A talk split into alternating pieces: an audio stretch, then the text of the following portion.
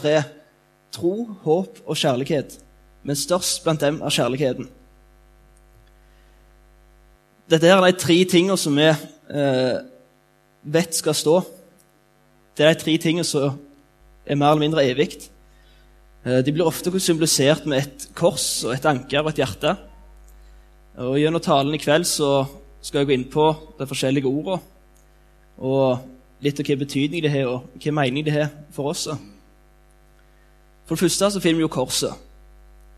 Korset det er sentrum for troa vår. Det er Uten korset, uten Jesus, uten det, det Jesus gjorde på korset, så, så hadde troa vår hatt, ikke hatt noe innhold. Det hadde vært ei tom tro. For det andre så har vi ankeret som er håpets symbol. I Hebreerne 6, 18-20 så kan vi lese om det håp som venter oss, det som er som et anker for sjelen. Et som er trygt og fast og når innenfor forhenget, hvor Jesus gikk inn som forløper for oss idet han ble ypperste prest til evig tid etter Melkisedeks vis. Bare for å ta et lite sidesprang. Melkisedek han var konge og prest i eh, Salem. Det, og han var også kjent som eh, sannhets-, visdoms- og fredskonge. Og da, Når du da tenker på Jesus, så var han Melkisedek var en forgjenger til Jesus. og Jesus var oppfyllelsen på Melkisedek, som også mange ganger ble sett på som en profeti på Jesus.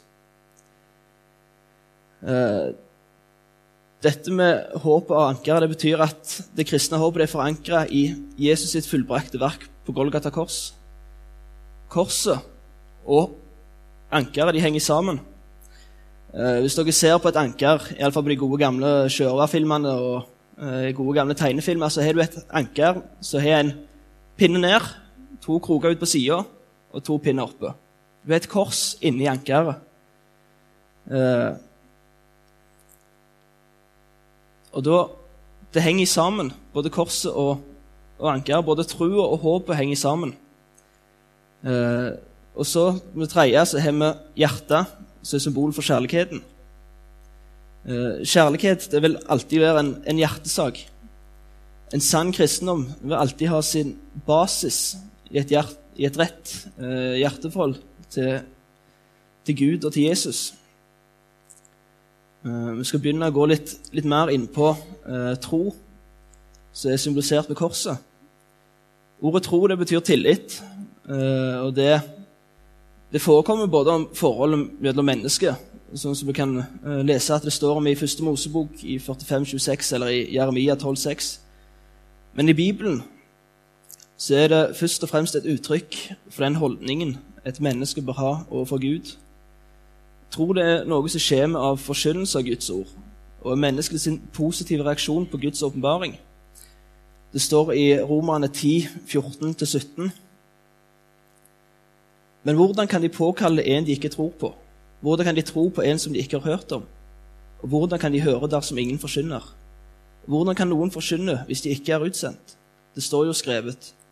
Hvor herlig lyd er fottrinn av den som bringer godt budskap. Men ikke alle var lydige mot evangeliet. Jesaja sier, Herre, hvem trodde på vårt budskap?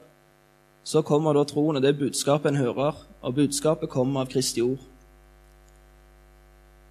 Tro det skjer med av å høre forkynnelse.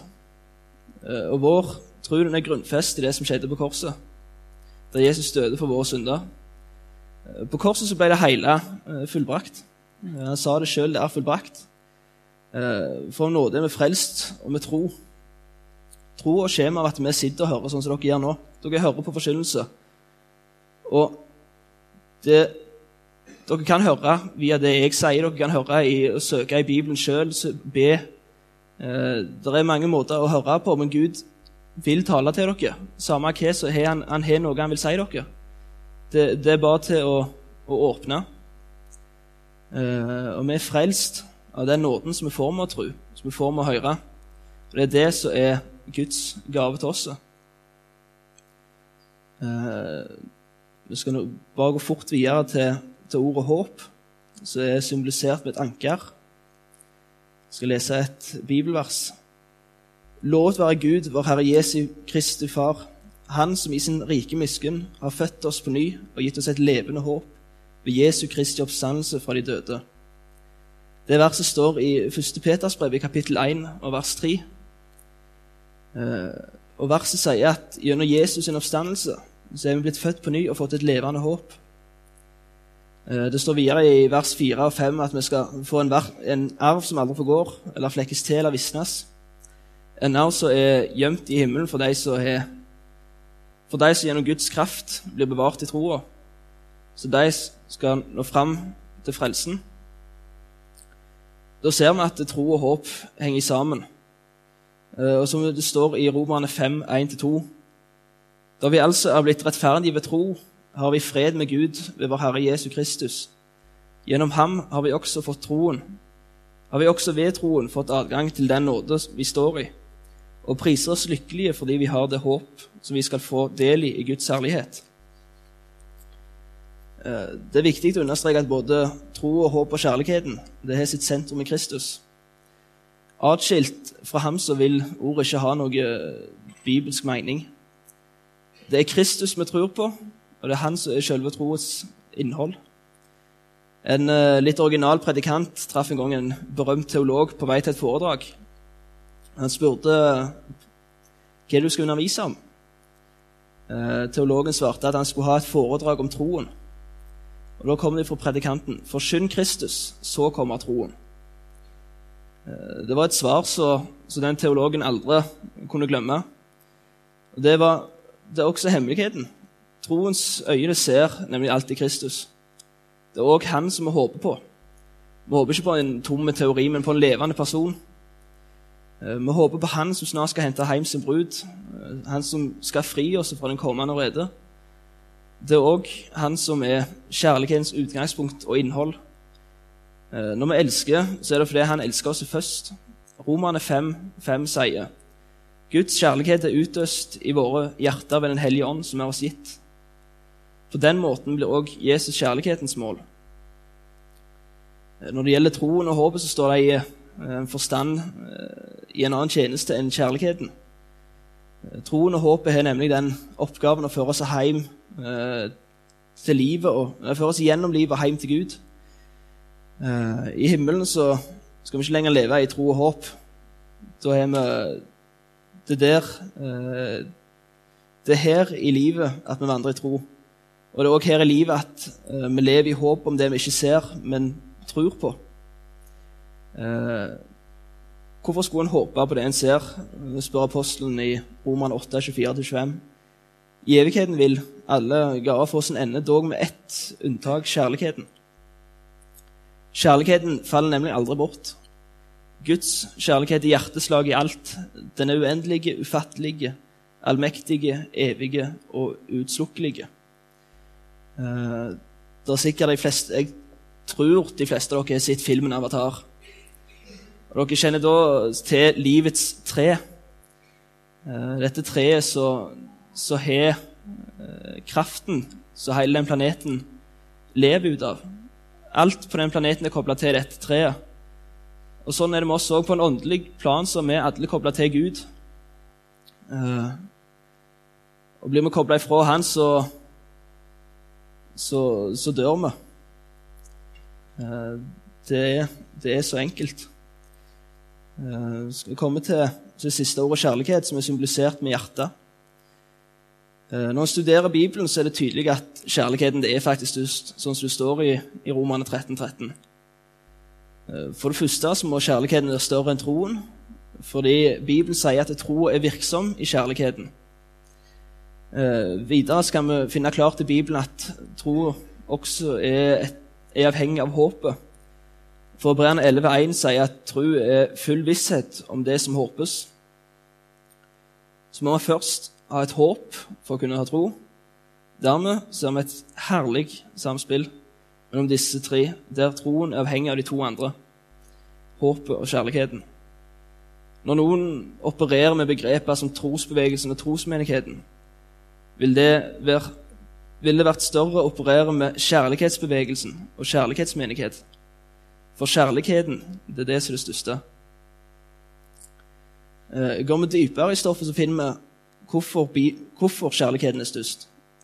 Bibelen sier at Gud er kjærlighet, og kjærligheten representerer i det dypeste i selve Guds vesen og karakter. Vil du vite hvem Gud er, må du først oppdage den guddommelige kjærligheten.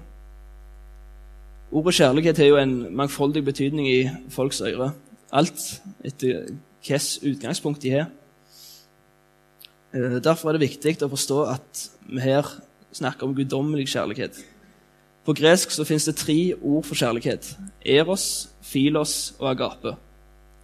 Eros handler om kjærlighet mellom mann og kvinne, mens filos handler om kjærligheten eller menneskelig kjærlighet. Men den kjærligheten som vi snakker om her, det er agape. Guddommelig kjærlighet. Den kjærligheten som Gud har.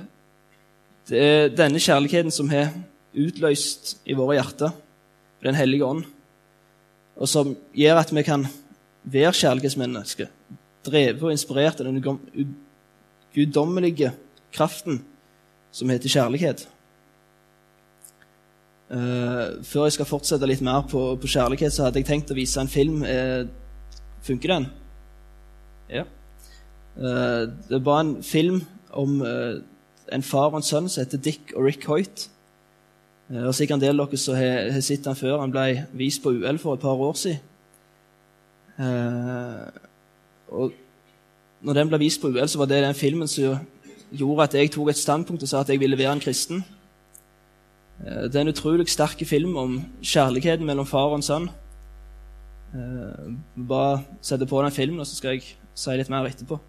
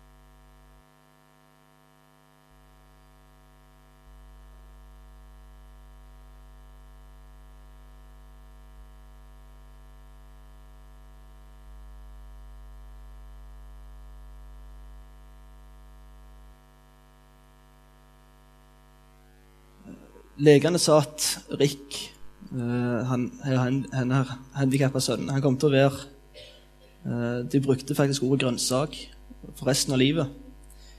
Uh, de sa at han burde bli, bli innlagt, men foreldrene de valgte å ta Rick med seg hjem og oppdra han som en vanlig unge. Etter hvert som han vokste opp, så, så fikk han en data til å kommunisere med. Og Rick sine første ord var ikke 'hei, mor' eller 'hei, far'. Men det var Go Bruins. Og Bruins det er et amerikansk ishockeylag. Eh, hele historien med hvorfor disse her to springer maraton og triatlon og hele pakka, det, det starter med at han, han er rik. Han hørte om et veldedighetsløp for en eh, paralysert eh, idrettsutøver. Og Rick spurte faren om de ikke kunne, kunne delta. Eh, og Dick, faren, svarte jo ja. Eh, når de skulle delta, så trodde alle at disse her kom til å springe bort til, til hjørnet på blokka og så snu og komme tilbake igjen. Men de fullførte faktisk hele løpet, som var litt over åtte kilometer. Eh, og når de fullførte, så kom de ikke De var jo ikke først, men de var heller ikke sist.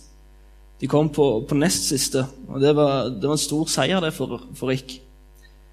Eh, når de da kom hjem den kvelden, så, så skrev Rick på dataen sin Far, når vi springer, føles det som om handikappet mitt forsvinner. Eh, jeg syns det er en fantastisk historie om den kjærligheten en far har for barnet sitt. Eh, at han velger å gjøre alt det der for han. Han summer og springer og sykler. og Han tar han med seg på alt. Han ber han gjennom livet. Eh, og Sånn er Guds kjærlighet for oss òg. Eh, Gud elsker oss så høyt at vi, vi trenger ikke streve. Alt er fullført. Han elsker oss så høyt at han var, var villig til å ofre sin egen sønn. Eh, da kommer vi inn på det som står i den lille Bibelen, Johannes 3, 16. For så høyt til Gud elsker verden, at han gav sin sønn den enbårne for at hver den som tror på Han, ikke skal gå fortapt, men ha evig liv. Gud elsker oss så høyt at han var villig til å ofre sin egen sønn for at vi skulle ha evig liv. Vi skulle ha mulighet for å leve evig i lag med han. Det er ingenting Vi, vi trenger ikke frykte noe lenger. For alt er ferdig, alt er fullbrakt. Eh, I dag skal vi òg få, få lov til å ta imot nattverden. Og Gjennom nattverden så inntar vi Jesu legeme og Jesu blod for å minnes Han. Eh, dette ble, Jesu legeme ble slått og pint for oss. Blodet hans rant for oss. Eh, og Gjennom nattverden så skal vi få ta imot denne kjærligheten som Jesus viste til oss med å, med å gå i døden for oss. Eh, vi skal få sette vårt håp til det, det han gjorde, og vi skal få tro på det han gjorde. Vi skal få tro på det han få gjøre med oss, og det vi skal få. Jeg bare avslutte med å si at du må huske dette. Det var for deg han døde, fordi han elska deg.